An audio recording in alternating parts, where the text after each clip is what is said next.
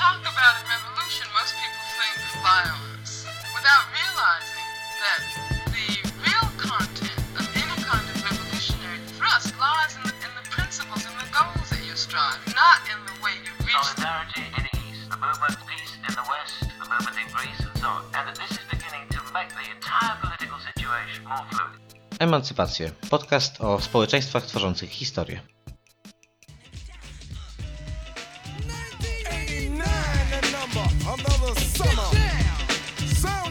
Drummer, music hitting your heart, cause I know you got soul. Hey, listen if you're missing y'all, swinging while I'm singing, Hey. giving what you're getting, knowing what I knowin', while the black band's sweating, in the rhythm I'm rolling. Gotta give us what we want, Uh. gotta give us what we need. Hey. Our freedom of speech is freedom of death. We got to fight the powers that be. Fight the power. Fight the power! Fight the power! To już 15 odcinek Emancypacji mm, i po przerwie e, po raz drugi e, gościmy, e, goszczę Zbigniewa Marcina Kowalewskiego, zastępcę lektora naczelnego Le Monde Diplomatique edycja polska, dwumiesięcznika obecnie, oraz autora książki, o której będziemy dzisiaj rozmawiać. Książki, która ma teraz swoje drugie wydanie, Mm, mianowicie chodzi o pozycję, że tak powiem, kultową w, w pewnych e, sferach, mianowicie w środowisku hip-hopowym. A chodzi o książkę Rap między Malcolmem X a subkulturą gangową.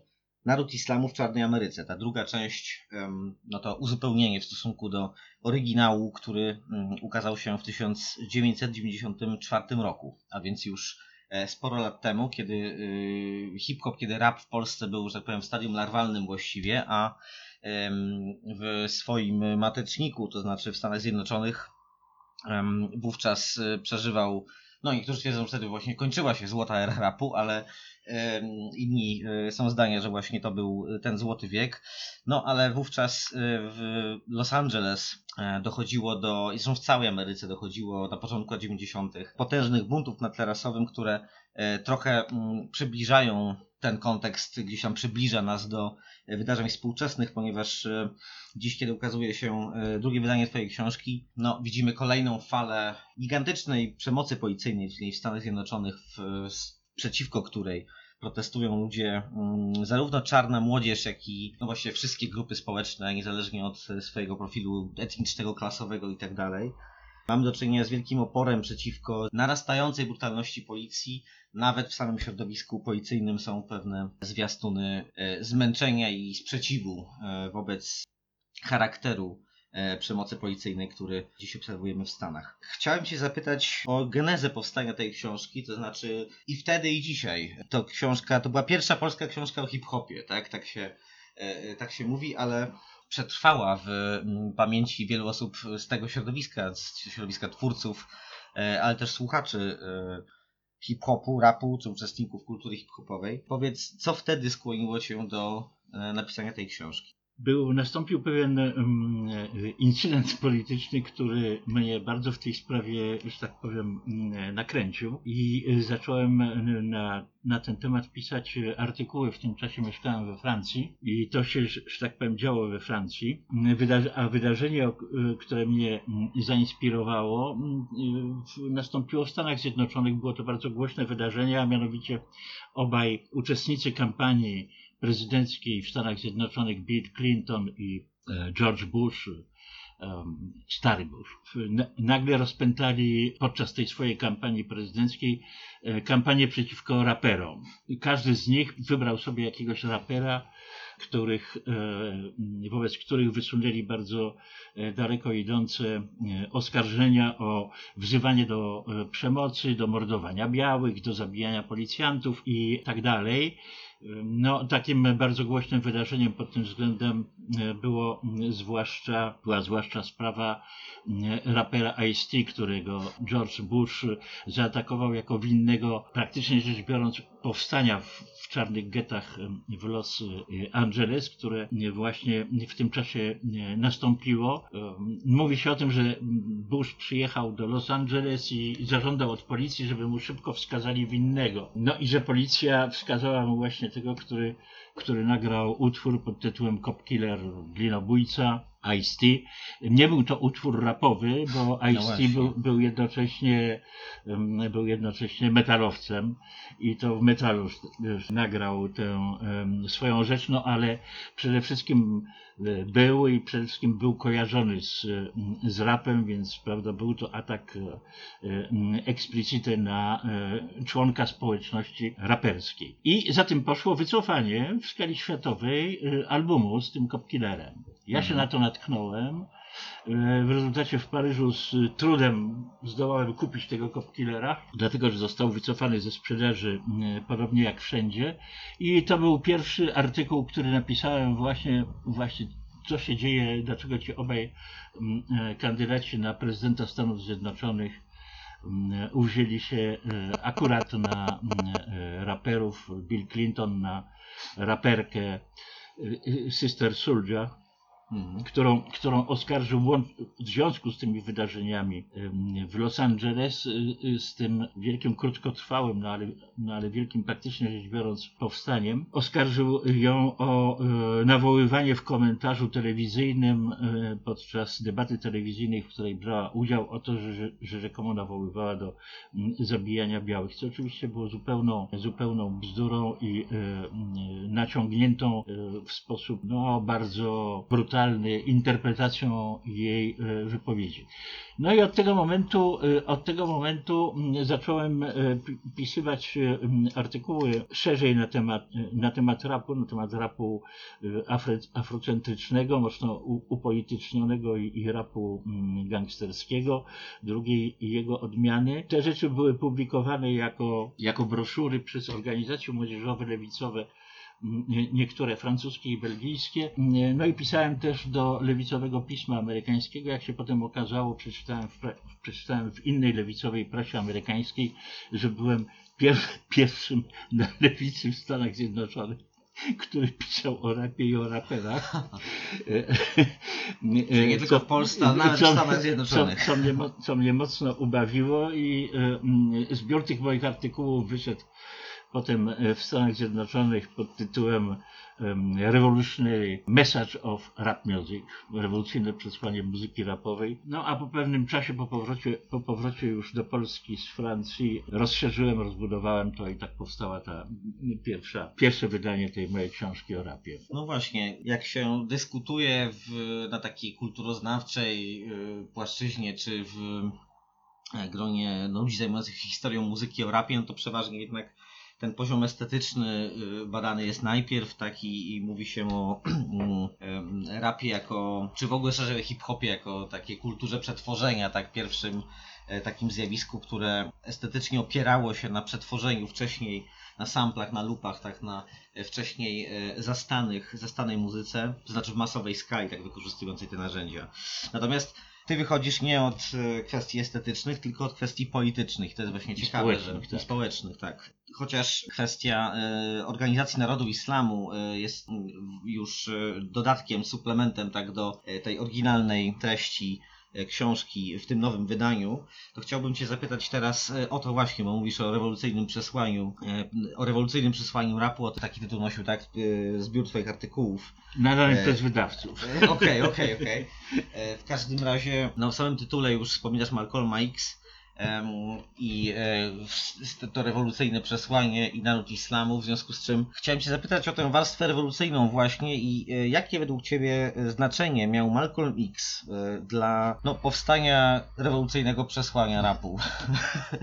Będę się trzymał tego sformułowania Twoich amerykańskich wydawców. No więc y, jego rola, jego znaczenie dla treści politycznych, mm, również dla treści społecznych rapu nie było mm, ogromne. No to była, to była postać, do której y, ten rap mm, przede wszystkim można powiedzieć się odwoływał. To było tak, rap się pojawia z tym swoim nagle nie, nawiązaniem do Malcolma X i temu towarzyszą również wiele innych nawiązań do Czarnych Panter, e, do e, e, Angeli Davis, do rozmaitych postaci m, e, ruchu, ruchów czarnych w Stanach, w Stanach Zjednoczonych w okresie, w których m, wydawało się, że o tych ruchach zapomniano. Że o tych ruchach zapomniano i to rap przypomina te postaci, prawda? E, e, Malcolma X e, zabitego w 65 roku, kilka, kilka lat później, pod koniec lat 60., na początku lat 70. Stany Zjednoczone przeżywają ogromną rewoltę w czarnych społecznościach, powstanie nowych, radykalnych czarnych ruchów, no, z których właśnie najsłynniejsze, najgłośniejsze, ale absolutnie nie jedyne, to były właśnie mm, czarne pantery. Malcolm X został zamordowany przed, przed tym wielkim wzlotem tych ruchów protestu amerykańskich, y, tak, amerykańskich, prawa, amerykańskich czarnych. Natomiast y, y, on wywarł bardzo silny wpływ na tę radykalizację, która te kilka lat y, później już pod jego nieobecność nastąpiła. No ale potem ta fala, ta cała, ta cała fala odpłynęła zresztą po bardzo brutalnych represjach, które miały miejsce, gdzie, prawda, e, przede wszystkim rozprawa mm, Federalnego Biura Śledczego i innych służb policyjnych amerykańskich z czarnymi panterami była bardzo gwałtowna, bardzo radykalna, e, no i niejednokrotnie e, po prostu e, mordercza. Ten ruch upadł i nagle pojawiają się raperzy, którzy wiele lat później, prawda, zaczynają, zaczynają bardzo ostro i y, y, bardzo demonstracyjnie nawiązywać do tej, do tej właśnie tradycji walki, poczynając od Malcolma X y, aż po Czarne Pantery. Więc to jest i wpływ Malcolma X na te ruchy, które powstały kilka lat po jego śmierci, prawda? I to jest wpływ później na tę e, e, nową falę czarnego protestu, ale która się przejawia wówczas przede wszystkim w muzyce, w działalności kulturalnej i tak dalej, prawda? Również filmowej, no wielki film Spike Lee, Malcolm X, który w tym czasie właśnie mm, powstaje. To jest bardzo, bardzo silne mm, mm, nawiązanie do tej tradycji, no a jednocześnie y, bardzo wyraźne nawiązania rozmaite, y, otwarte lub dyskretne i tak dalej, do tego, z czego Malcolm X się wywodził i z czym e, w ostatnich latach swojego życia zerwał, a mianowicie naród islamu. To jest y, bardzo ważna organizacja, dlatego ja piszę o niej w tej książce w drugiej części, która jest y, jej właśnie specyficznie poświęcona i która powstała w ostatnich latach a więc znacznie później niż y, pierwsza część y, o rapie, gdzie tę historię, mm, historię y, narodu islamu staram się dość systematycznie pod rozmaitymi mm, względami opowiedzieć. Mm, Dlaczego jest to bardzo ważna organizacja, a jednocześnie, ponieważ ona, bywają długie okresy, w których ona się w ogóle nie rzuca w oczy, w związku z czym znika, prawda, z pola widzenia i tak dalej. Dlaczego ona jest bardzo ważna? Dlatego, że jest to organizacja, która istnieje już praktycznie rzecz biorąc 90 lat, co nie ma żadnego odpowiednika w żadnej, y, no, mm, poza może jakimiś marginalnymi organizacjach czarnego nacjonalizmu, nazwijmy to tak. Rap, rap af- afrocentryczny, jest to tak zwany czarny rap nacjonalistyczny, prawda? Więc jest to organizacja, która mm, jest bardzo ważna, dlatego że ona, nie będąc organizacją polityczną, mając polityczne strony oczywiście swojej działalności, będąc organizacją religijno-społeczną, stała, stała się, poczynając od lat e, 30. do dziś, trwałym rozsadnikiem tego, co się nazywa właśnie w Stanach Zjednoczonych czarnym nacjonalizmem, jego wersji pod pewnym względem skrajnej, dlatego że jest to wersja separatystyczna, czyli czarny nacjonalizm separatystyczny. Istnieje wiele rozmaitych e, wersji, wariantów czarnego nacjonalizmu, które nie mają charakteru separatystyczne, separatystycznego. Malcolm X, zrywając z narodem islamu, zerwał z jego stroną separatystyczną, pozostając czarnym nacjonalistą. Czyli z chęcią prawda? utworzenia jakby osobnego państwa. Więc y, jest to, narodu. Y, y, to znaczy, y, jest to kontestowanie społeczeństwa amerykańskiego na zasadzie my nie jesteśmy Amerykanami. My nie jesteśmy Amerykanami, my jesteśmy e, czarnymi, jesteśmy oddzielnym narodem, prawda? Stąd ten naród w tej nazwie, naród islamu. Odróżniamy się od białego społeczeństwa, poczynając od religii, to znaczy od zupełnie wymyślonego w getach e, e, Detroit i mm, e, Chicago w latach 30. zupełnie wymyślonego na miejscu islamu, nawet bez znajomości Koranu, bo to tak faktycznie wyglądało, czyli stworzenie właściwie rzecz biorąc z niczego religii, która miała oddzielać od tych chrześcijańskiej, od tej chrześcijańskiej białej Ameryki i miała być y, znamieniem tej odrębności, prawda? Nie tylko jesteśmy czarni, ale jesteśmy zupełnie oddzielni, poczynając od religii, którą mamy własną. Stworzoną przez i- zresztą bardzo zagadkową postać. Tak, E, Tak, tak, przerwać. stworzoną, stworzoną przez y, y, bardzo zagadkową postać, y, y, której losy mocno zagadkowe zresztą opisuje badania nad y, pochodzeniem, działalnością i tak, i tak dalej owego człowieka y, y, Farda, y, tego pierwszego proroka, który zainicjował tę organizację i który następnie przez naród islamu był prezentowany jako Allah wcielony, który zjawił się w Stanach Zjednoczonych, który y, tę organizację, jak powiedziałem, za, za, zainicjował mm, i zainicjował tę mm, religię, sam będąc niewątpliwie muzułmaninem, prawdopodobnie pochodzą, pochodzącym z Afganistanu lub obecnego Pakistanu, ale on nie, nie przekazał na grunt amerykański rzeczywistego islamu, tylko tworzył zupe, zupełnie, zupełnie coś innego. Jego własna wiedza na temat Koranu jest zagadkowa, natomiast on bardzo szybko znikł i, Elijah Muhammad, Elijah Pool, który przyjął mm, imię Muhammad, mm, i który następnie prezentował się jako wysłannik Allaha, czyli tego Farda, on bardzo późno zaczął się zapoznawać z Koranem, y, już od dawna będąc y, właśnie tym wysłannikiem Allaha, y, prezentując się w ten sposób i głosząc ten specyficzny islam, początkowo przez długi czas bez znajomości Koranu, owszem, ze znajomością Biblii i ze znacznie dalej idącym powoływaniem się, jeżeli chodzi święte księgi, na Biblię niż na Koran, który, jak mówię, y, przez długi czas w ogóle y, nie, tak, w ogóle, w ogóle nie znał. Od początku był to dyskurs bardzo mocno separatystyczny. Jesteśmy wbrew naszej woli w Stanach Zjednoczonych, ponieważ naszych przodków przywieziono siłą i przemocą mm, z Afryki tutaj i jesteśmy e, ofiarami rasizmu. To społeczeństwo białoamerykańskie e, nas nie chce, nie, nie, nie traktuje nas jako mm, współobywateli i e, ludzi równych, w związku, z, w związku z czym musimy się od tego społeczeństwa oderwać i stworzyć na- nasze własne. Na jakiejś wykrojonej części mm, Stanów Zjednoczonych to wszystko jest bardzo niejasno powiedziane, ale również jest to, mm, jest to doktryna separatyzmu również do pewnego stopnia w życiu codziennym.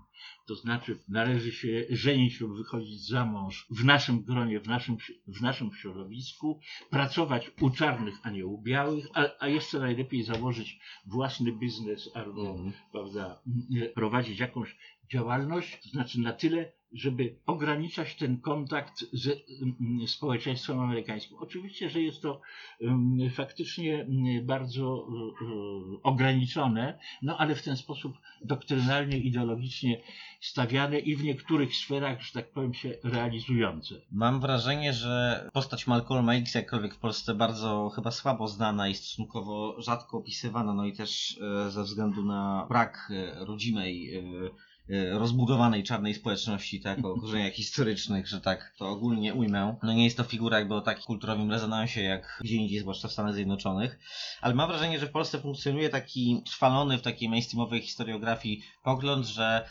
Malcolm X to jest ten zły, bo on był rasistą i nawoływał, nawoływał do przemocy. W przeciwieństwie do Martina Luthera Kinga, który był tym dobrym, pacyfistycznie nastawionym e, działaczem na rzecz praw e, czarnej społeczności. Oczywiście ten pogląd trywialny f- i, i, i, fałszywy, e, obalany był e, i słusznie w sposób niezbyt skomplikowany zresztą wielokrotnie, jednak może jakbyś mógł słowo powiedzieć o postawie e, Malcolma X, dlaczego się zarzuca mu rasizm na takiej samej zasadzie, jak się go zarzuca, nie wiem, białym suprematystom, z, czego to wynika i jak to się na tle ruchu czarnego wyzwolenia mm, sytuuje. Postrzeganie Malcolma X jako e, czarnego rasisty nie ma mm, żadnego, nie ma żadnego sensu, dlatego że e, istotą jego mm, działalności wypracowanej przez niego i głoszonej ideologii e, była sprawa przede wszystkim samoorganizacji czarnych i tworzenia e, ruchu czarnych, który walczyłby o swoją emancypację w Stanach Zjednoczonych z pewną wizją e, bardzo, co jest zresztą rzeczą ciekawą, prawda? Malcolm X jednoznacznie się określał jako czarny nacjonalista, jednocześnie internacjonalistyczny wy, wymiar tej jego doktryny czy ideologii, którą głosił, a mianowicie e, my czarni jesteśmy mniejszością w Stanach Zjednoczonych, natomiast jesteśmy większością światową. Mhm. Większością światową jak pojmowaną? Otóż czarny znaczy, znaczyli wszyscy tak zwani kolorowi. Kubańczycy do dzisiaj zresztą w dyskursie narodu islamu na przykład są czarni, prawda? Choć, wi choć wiadomo, że jest to spo społeczeństwo w niemałym stopniu białe, prawda? Mm. To są również Chińczycy, Hindusi, prawda? I tak dalej. Ludność świata arabskiego. To wszystko jest y, zaliczane do tej pewnej metafory czarnych i w ten sposób traktowane, a więc y, była to, była to działalność nastawiona w samych Stanach Zjednoczonych na emancypację czarnych w powiązaniu mm, ruchami emancypacyjnymi w trzecim świecie. Działalność Malcolma X przypada na okres e, wielkiego wzlotu e, ruchów wyzwoleńczych w trzecim świecie, antykolonialnych, postkolonialnych i tak dalej, e, ruchów rewolucyjnych. Malcolm X nawiązywał do rewolucji chińskiej, wietnamskiej, kubańskiej, algierskiej bez, bezpośrednio. I głosił on hasła emancypacji czarnych, która nie polega na tym, że będziemy oczekiwać, że białe społeczeństwo się zmieni i zmieni nasz stosunek do nas, ale że po prostu będziemy o to walczyć, wymusza, wymuszając, e, e, wymuszając te zmiany, a do tego e, potrzebna jest samoorganizacja, organizacja czarnych, specyficznie, specyficznie czarnych i walka o czarną władzę w czarnej społeczności. Potem hasło Black Power, które się pojawia mhm. E, pod koniec lat 60., kilka lat po śmierci Malcolma X, e, no, wywodzi się bardzo bezpośrednio mm, z mm, jego dyskursu czarnej kontroli nad czarną społecznością. Prawda? Czarne, czarne społeczności w Stanach Zjednoczonych są kontrolowane przez białych łącznie z białą policją, która przede wszystkim białą policją, więc kontrola ekonomiczna, kulturalna, polityczna i tak dalej czarnych nad swoimi własnymi e, społecznościami. Nie jest to, jak mówię, po zerwaniu z narodem islamu przez Malcolma, nie jest to dyskurs separatystyczny, od którego on się bezpośrednio e, no, jedno, jednoznacznie odciął od tej strony, podobnie jak wielu innych e, stron działalności narodu islamu, dlatego że stał się po tym zerwaniu bezpośrednio, bezpośrednio par excellence działaczem politycznym, a jak powiedziałem, naród islamu ma tylko pewne strony polityczne, ale nie jest organizacją o charakterze o charakterze politycznym. Było to też zerwanie z rozmaitymi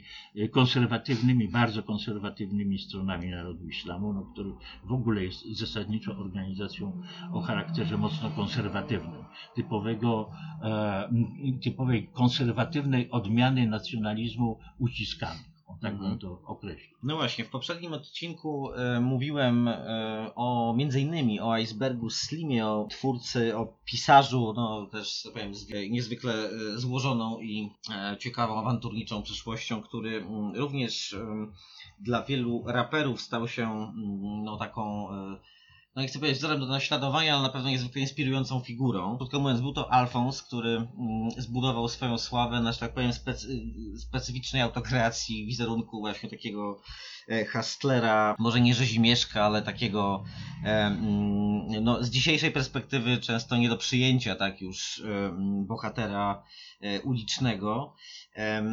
Z drugiej strony mamy, tak jak mówisz, konserwatywny i nie stawiający mm, sobie y, przynajmniej nie bezpośrednio celów politycznych naród islamu. dość to taka ciekawa, no i nieoczywista układanka tak naprawdę. E, Do tego Malcolm X, który no, zrywa z, zrywa, no właściwie zostaje wyrzucony z narodu islamu w dramatycznych okolicznościach, które znajdują jeszcze bardziej dramatyczny finał, e, bo Malcolm X zostaje zamordowany. E, Jak rozumiem, oczywiście to cały czas tę sprawę Wokół tej sprawy jest wiele niewiadomych, natomiast z tego co rozumiem, Malcolm X e, został jednak z udziałem przynajmniej e, członków narodu islamu e, zamordowany najprawdopodobniej.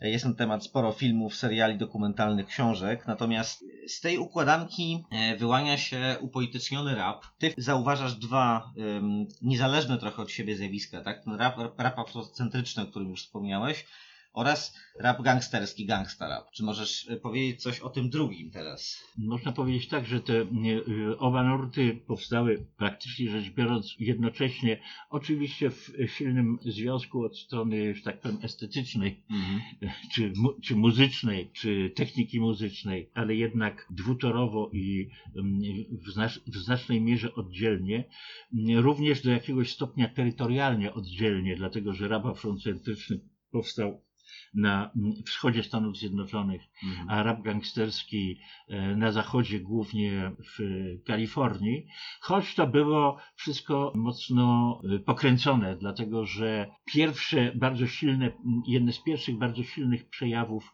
rapu gangsterskiego pojawiły się w, w Nowym Jorku. E, To jest KRS-One który nagrał ze swoim e, e, kolegą no, dość, pamię dość pamiętny album pod tytułem Criminal Minded, gdzie obaj byli zaangażowani w środowisko e, gangsterskie, to znaczy band ulicznych, band ulicznych mm, w społeczności czarnej, e, które używały, używały przemocy, używały broni palnej, e, głównie w walkach wzajemnych em, między sobą, który po mm, nagraniu tego albumu wkrótce zginął ów kolega, z którym KRS-One nagrał ten album, zginął właśnie w wyniku aktu przemocy mm, między, y, y, między gangami. I KRS-One nagle niespodziewanie przestawił się na rap zupełnie inny, właśnie na ten rap mm, afro, afrocentryczny, także prawda, ten podział geograficzny to tak nie bardzo y, y, pasuje, no ale on y, y, schematycznie ujęty oczywiście jest, y, y, należy, należy go brać pod uwagę i y, stosować nie, nie przesadzając w tym, w tym rozróżnieniu. Rap gangsterski w Kalifornii, właściwie jakieś swoje takie główne centrum miał w getach na południu Los Angeles, w potężnych getach e, czarnych, gdzie w latach em, 80. właściwie chyba na największą skalę w Stanach Zjednoczonych, na największą skalę właśnie tam rozwinęła się tak zwana, tak zwana wojna mie- miejska, to znaczy szalona zupełnie przemoc między owymi gangami ulicznymi młodzieżowymi. To było skupione w tych getach na południu Los Angeles i na tym, na tym tle tej bardzo e, morderczej działalności tych bardzo silnie zwyrodniałych e, zbrodniczo gangów, narodził się i zaczął się, roz, zaczął się rozwijać e, rap gangsterski, bardzo silnie gloryfikujący to życie tych, życie tych gangów, ich przemoc, styl życia, wartości. No, em, był to em, świat dość, ja bym powiedział, nieciekawy, prezentowany przez, przez ten rap i wy- wywołujący bardzo duże mm, i daleko idące kon- kontrowersje, lecz jednocześnie, lecz jednocześnie ten rap zaczął przeżywać ze strony całego szeregu swoich wykonawców pewną, pewną ewolucję. Ta ewolucja zaczęła się i i tutaj właśnie y, zaraz wchodzi, zaraz nie sposób o tym mówić, nie mówiąc o narodzie islamu. Naród islamu podejmuje działalność w tych getach, przeciwko tej przemocy, tej przemocy gangów. Podejmuje dość silne interwencje e, e, polegające na e, lansowaniu rozejmu i, zaprzes i zaprzestaniu tej wojny z bardzo silną krytyką, bardzo, bardzo silnym przesłaniem, no, które może, można powiedzieć sprowadzało się do tego, prawda? Czarni wzajemnie się mordują, panująca nad nami biała Ameryka zaciera, zaciera ręce.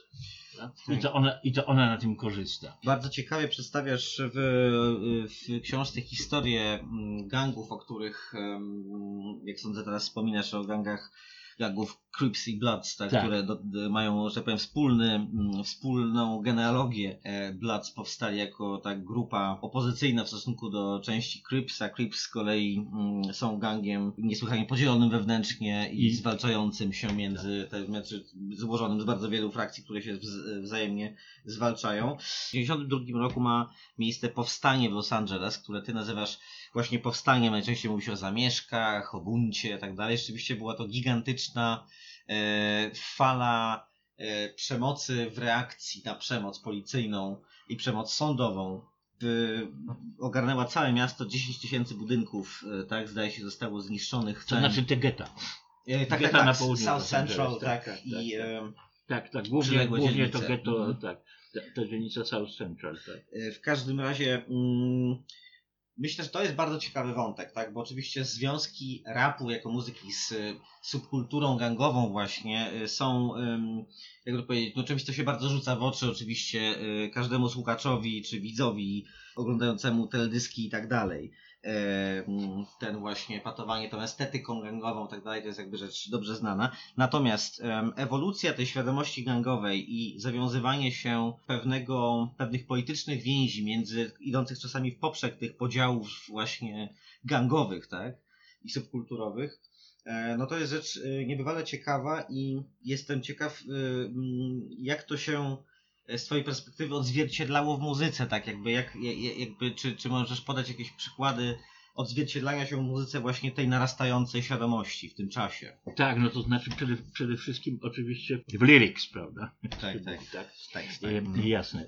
No więc, e, e, no więc w tym nie, rapie gangsterskim właśnie gloryfikującym tę wojnę miejską w gruncie rzeczy, prawda, dość szybko pojawiły, pojawiły się elementy krytycznej refleksji, które zaczęły się rozwijać w tym, jednocześnie temu, te, temu towarzyszyło pojawianie się w, pojawienie się w rapie gangsterskim rozmaitych elementów krytyki społecznej. Krytyki sytuacji społecznej, tych get, tego co się w tym dzieje, początki refleksji na temat tej sytuacji społecznej jako źródła owej wojny, wojny gangów. No i to zaczęło się, to, to zaczęło się e, e, przeistaczać u szeregu e, raperów, takich jak Ice Cube, Ice-T. Ice-T zresztą były członek tych gangów, ale jeszcze w okresie, kiedy, kiedy one się nie zabijały, nie używały broni palnej w swoich konfrontacjach, którzy zaczęli stawiać sprawę prawda, y, absurdalności i, i, i katastrofalnych konsekwencji tej e, wojny gangów dla czarnej społeczności. Mówię, tutaj następuje, inter, to, to się zbiega z interwencją e, narodu islamu, no i pojawia się, pojawiają się w tym rapie narastają wezwania do rozejmu, do rozejmu, do, zaprzesta, do zaprzestania tej e, wojny z wezwaniem, prawda, walczmy z białą supremacją. Mhm. Nie zabijajmy się, te wątki zaczynają się pojawiać i rzeczywiście, rzeczywiście dochodzi do e, e, inicjatyw rozejmowych. To powstanie w, na południu Los Angeles, które wybucha, ono jest bardzo silnie z tym związane, dlatego że powstanie to poprzedziły właśnie te inicjatywy rozejmowe i podczas tego powstania te gangi, zresztą uzbrojone, policja, e, e, sł- sławetny Departament Policji Los Angeles, LAPD, e, no, słynny z filmów, z rozmaitych innych rzeczy, opuścił praktycznie te getta zupełnie, obawia, obawiając się po prostu, nie, stawiając czoła temu, temu wystąpieniu. Te gangi wspólnie, uzbro, uzbrojone, one praktycznie rzecz biorąc kierowały tym, kierowały tym powstaniem, y, ale w sposób solidarny i y, nie prowadząc między sobą walki. Więc to, y, y, to, doświ- to doświadczenie y, tego rozejmu, który wkrótce potem przynosi to wielkie wystąpienie, to spowodowało, że te tendencje rozejmowe bardzo szybko zaczęły narastać, spotkania, zgromadzenia, dyskusje, zloty i tak dalej. To się zaczęło rozwijać, to się zaczęło przenosić do innych, do get w innych czarnych miastach, gdzie również to zjawisko m, wojny miejskiej istniało. No i to m, rzeczywiście zrobił, zrobił się z tego bardzo m, e, e, poważny ruch, który zaczynał się upolityczniać. E, Bardzo inteligentną pod tym względem taktykę stosował naród, stosował naród islamu, dlatego że miał dyskurs respektujący te gangi jako organizacje młodzieżowe, które się wykoleiły, y, które powinny wrócić na dobrą drogę, to znaczy stać się pożytecznymi społecznie organizacjami młodzieżowymi, nabrać charakteru społecznego. Były tam rozmaite dynamiki, z których y, y, oczywiście nie, za, nie, za, nie zaowocowały mm, niczym poważnym pod tym względem, ale były nawet tendencje do tworzenia do tworzenia mm, y, organizacji politycznej, i tak dalej. W każdym razie y, to przesilenie było rz- rzeczywiście bardzo poważnym zjawiskiem i dwa elementy poza samymi tymi rzeczami, które działy się w tych gangach, bardzo wniosły duży wkład do tego. To był rap i to właśnie ten rap gangsterski, y, te nurty rapu gangsterskiego, które się, że tak powiem, obróciły przeciwko przemocy tych gangów i tak dalej, jednocześnie bardzo dobrze ją znając i potrafiąc trafić do uczestników e, tego, no a z drugiej strony właśnie, e, właśnie to przesłanie rozejmowe silne e, narodu e, islamu. Także, także rap odegrał bardzo dużą rolę pod tym względem, no a poza tym ja tutaj również mówię o tym, że rap przygotował to powstanie. To jest Mhm.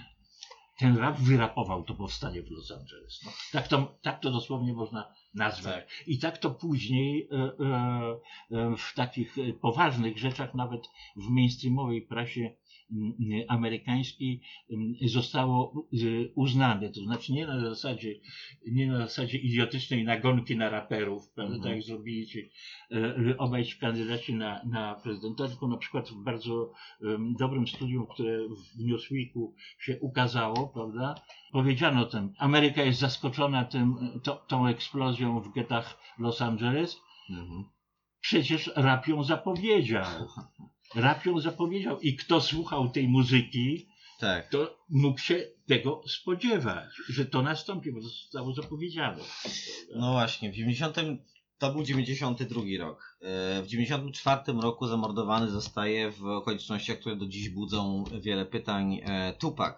Tupac Shakur, jedna z najważniejszych postaci w historii rapu. Niewiele, e, niedługo później w podobnych okolicznościach, podobnie niejasnych ginie Biggie Smalls, Notorious B.I.G. e, czyli kolejny z rapowych, w wielkim cudzysłowie, wieszczów. E, w tym samym czasie e, rap zostaje jakby inkorporowany do, do głównego nurtu popkultury, tak, staje się mm, zjawiskiem no, jeszcze bardziej masowym niż wcześniej i międzynarodowym, e, przynoszącym też wielkie pieniądze, komercjalizującym się i tak dalej. Jakiś czas później e, raperzy są już gośćmi w Białym Domu, tak? Kiedy Barack Obama wygrywa wybory, no to mm, tak ostentacyjnie e, obnosi się z tymi znajomościami mm, z JMZ i z szeregiem innych raperów, którzy mają już status mega gwiazd. No właśnie, jakby gdzieś to przesłanie polityczne, ono zostaje, na pewno zostaje stępione w jakimś sensie, no ale dzisiaj mamy do czynienia z, e, no, przynajmniej pewną, jak to powiedzieć, reorganizacją, tak, ruchu na rzecz e, czarnego wyzwolenia w ramach e, inicjatywy Black Lives Matter, tak? Mam wrażenie, że tam jednak komponent e, radykalnie polityczny jest dość, jest dość wyraźny, tak? To nie jest tylko ruch przeciwko przemocy policyjnej, to jest ruch, ruch wielonurtowy. Natomiast jakie jest Twoje zdanie na temat no właśnie stępienia tego przesłania politycznego ewoluującego w polityczną stronę właśnie e, gangsta rapu. E, Dlaczego to nie wyszło, krótko mówiąc, dlaczego e, gdzieś tam to przesłanie, e, no nie chcę że się wyczerpało, ale zostało gdzieś tam zdławione. Czynników, które wywarły na to wpływ, mm, było niewątpliwie wiele, ale chciałbym zwrócić uwagę i zresztą o tym mm, piszę w, w tej książce. A mianowicie mm, sprawa e, statusu, mm, że tak powiem, mm, rynkowego tej, tej muzyki, prawda? Dlatego, że najpierw, najpierw rap był przez długi czas ignorowany, następnie zajęły się nim wielkie wytwórnie, Mhm. prawda? E, które e, jed, jednak zaczęły, zaczęły wywierać na ten rap presję, po to, żeby go ucywilizować, E, to znaczy mm, plus minus dla mainstreamu i wyjałowić go z tych wywrotowych treści, e, co mm, wywołało rozmaite napięcia, rozmaite taktyki ze strony raperów, e, aby sobie z tym zjawiskiem poradzić. Mówię, mówię o tych raperach, którzy, którzy byli, powiedzmy sobie mówiąc e, dość banalnie, ale jednak to ważne, e, raperami ideowymi, Mhm. którzy stawiali temu opór i rozmaite, roz, rozmaite taktyki, e, chociażby e, bardzo silna działalność na rzecz pozyskania białej młodzieży. To była bardzo, bardzo, bardzo świadoma strategia w działalności czarnych raperów, szczególnie Public Enemy, czy właśnie wspomniany wcześniej e, Ice-T. No ale problemów e, było oczywiście coraz e, więcej i te presje ze strony wielkich wytwórni, groźba marginalizacji i tak dalej, no zrobiły, zrobiły swoje. No a poza tym ja myślę, że ważnym czynnikiem było również to, że cały ten od strony, że tak powiem, społecznej, ten efekt rapu, a mianowicie, mianowicie to powstanie y, w Los Angeles, prawda? Y, y, Ta sprawa gangów i tak dalej. Ona, ona jednak dotyczyła pewnych obszarów w Stanach Zjednoczonych? Mhm. To jest, to jest bardzo silnie Kalifornia pod, y, pod tym względem, no czy właśnie mm, bardzo specyficzna y, y, strona życia czarnych społecz- społeczności, a, miano, a mianowicie ta mm, wojna miejska. Temu wielkiemu mm, wzl- wzlotowi rapu w końcu lat 80. i na początku lat 90. nie towarzyszyły ruchy społeczne. Mhm. Poza, poza, poza, poza tym, to znaczy y, nie, on nie miał, nie miał swojego, prawda, y, y, odpowiednika w ruchach społecznych, które mogłyby go napędzać i, i, i w pewien sposób ukierunkowywać.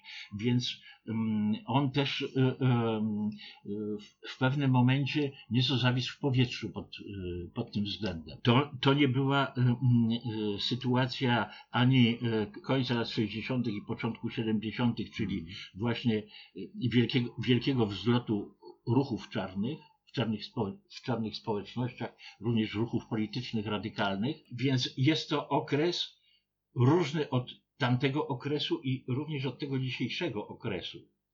Mhm. Czyli e, tego, co zaczęło się w czerwcu, e, m, w czerwcu, o jeśli nie mylę, tak, bieżące, bieżącego roku e, po Zabójstwie George'a Floyda. za- zabójstwie George'a Floyda, prawda? Czyli ponowny, ponowny, wz, ponowny bardzo silny wzlot, e, szeroki, obejmujący mnóstwo czarnych społeczności, obejmujących e, daleko zwłaszcza młode pokolenie poza czarnymi społecznościami, prawda? Mm, Również latynoskie, również białe e, środowiska, zwłaszcza, zwłaszcza młodzieżowe, które się do tego mm, ruchu włączyły i e, w którym uczestniczą. No bo o ile ten ruch e, Black Lives Matter. Matter jest e, ruchem e, no, czar, czarnej społeczności, to jednocześnie on pociągnął za sobą, zmobilizował szerokie rzeszy, zwłaszcza e, młodego pokolenia spoza czarnej społeczności. No więc to jest ten problem takich rozbieżności, które niejednokrotnie występują między zjawiskami kulturalnymi, prawda, a zjawiskami społecznymi, e, gdzie e, pewne ruchy o, o charakterze kulturalnym nabierają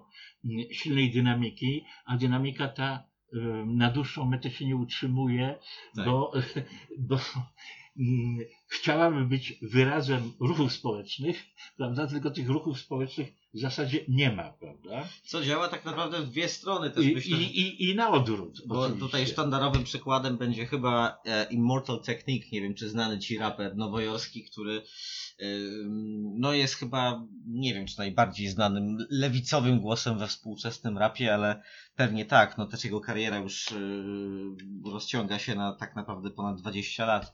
Zresztą od chyba 11 lat, czy nawet więcej już nie może wydać kolejnej płyty, którą wciąż zapowiada ale właśnie za to jest niezwykle aktywny na płaszczyźnie e, społecznej, tak, i na płaszczyźnie organizowania politycznego ludzi, no zresztą na, na, w wymiarze międzynarodowym. Więc on oczywiście cały czas gra koncerty, no ale nie nagrywa i są różne przypuszczenia, dlaczego nie nagrywa, chociaż gościnnie brał udział w e, nagraniach e, innych raperów w Stanach i nie tylko. Wielkiej Brytanii także. No ale on jest rzeczywiście niesłychanie aktywny i był przez całe te dwie dekady w rozmaitych ruchach społecznych. E, no i on jest rzeczywiście eksplicitnie lewicowy, tak, bo jego treści są, jego, jego teksty są e, po prostu e, lewicowe, mm, z bezpośrednimi odwołaniami do, do marksizmu, do, do różnych odmian idei socjalistycznej, powiedzmy ale jednocześnie nie truje, tak jakby on jest e, e, no jedno, też wywodzi się z, że tak powiem, z, rdzenia gangsterskiego, tak? Um, podobnie jest Dead Press, taki innymi, um, takimi bardziej współczesnymi, choć też już nie najmłodszymi raperami. No właśnie, dzisiaj mamy do czynienia raczej z, znaczy po pierwsze, z wielką popularyzacją gangsta rapu, który y, wysuwa rozmaite mm, kwestie społeczne, społecznych nierówności, dyskryminacji rasowej e, naprzód, znaczy uwydatnie w swoich tekstach ci twórcy zajmują się tymi kwestiami, jednak e, myślę, że nigdzie na świecie dzisiaj gangsta rap nie stanowi, mm, jak to powiedzieć, zarzewia e, mobilizacji politycznej. E, to jest niesłychanie e, znamienne właśnie też domykając ten wątek, o, e, o, którym, mm, o którym wspominasz. Natomiast chciałem jeszcze wrócić do narodu islamu i do tego, jak on współcześnie wygląda czy, czy uważasz, że naród islamu jest dzisiaj, w dzisiejszej Ameryce organizacją, która przemawia do czarnej społeczności? Czy, czy dzisiaj na fali e, tych protestów można mówić o jakimś e, ponownym wzroście znaczenia tej organizacji, czy niekoniecznie? E, jak wyglądają jej obecne losy?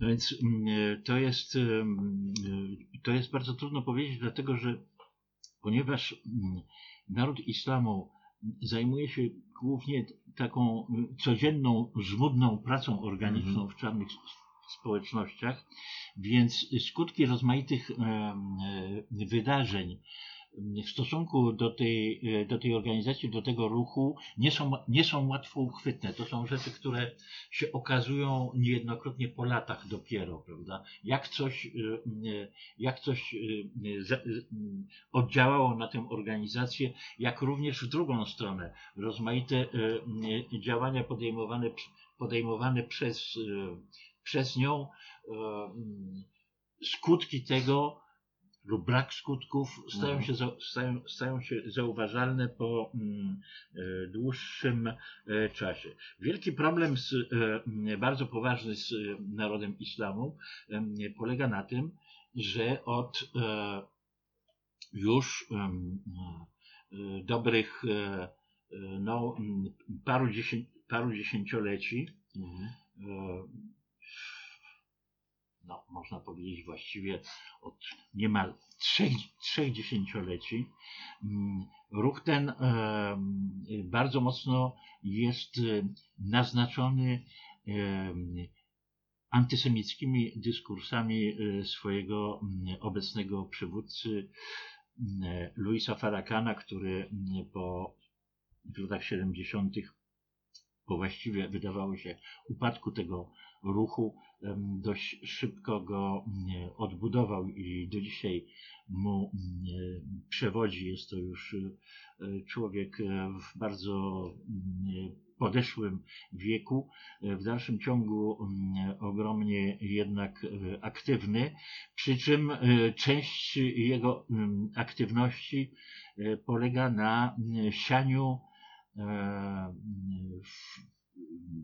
bardzo e, niepokojącego i bardzo niebezpiecznego mm, dyskursu e, antysemickiego, którego w e, historii narodu islamu w zasadzie nie było. Nie było e, e, jakichś specyficznie antysemickich e, akcentów lub były one marginalne, natomiast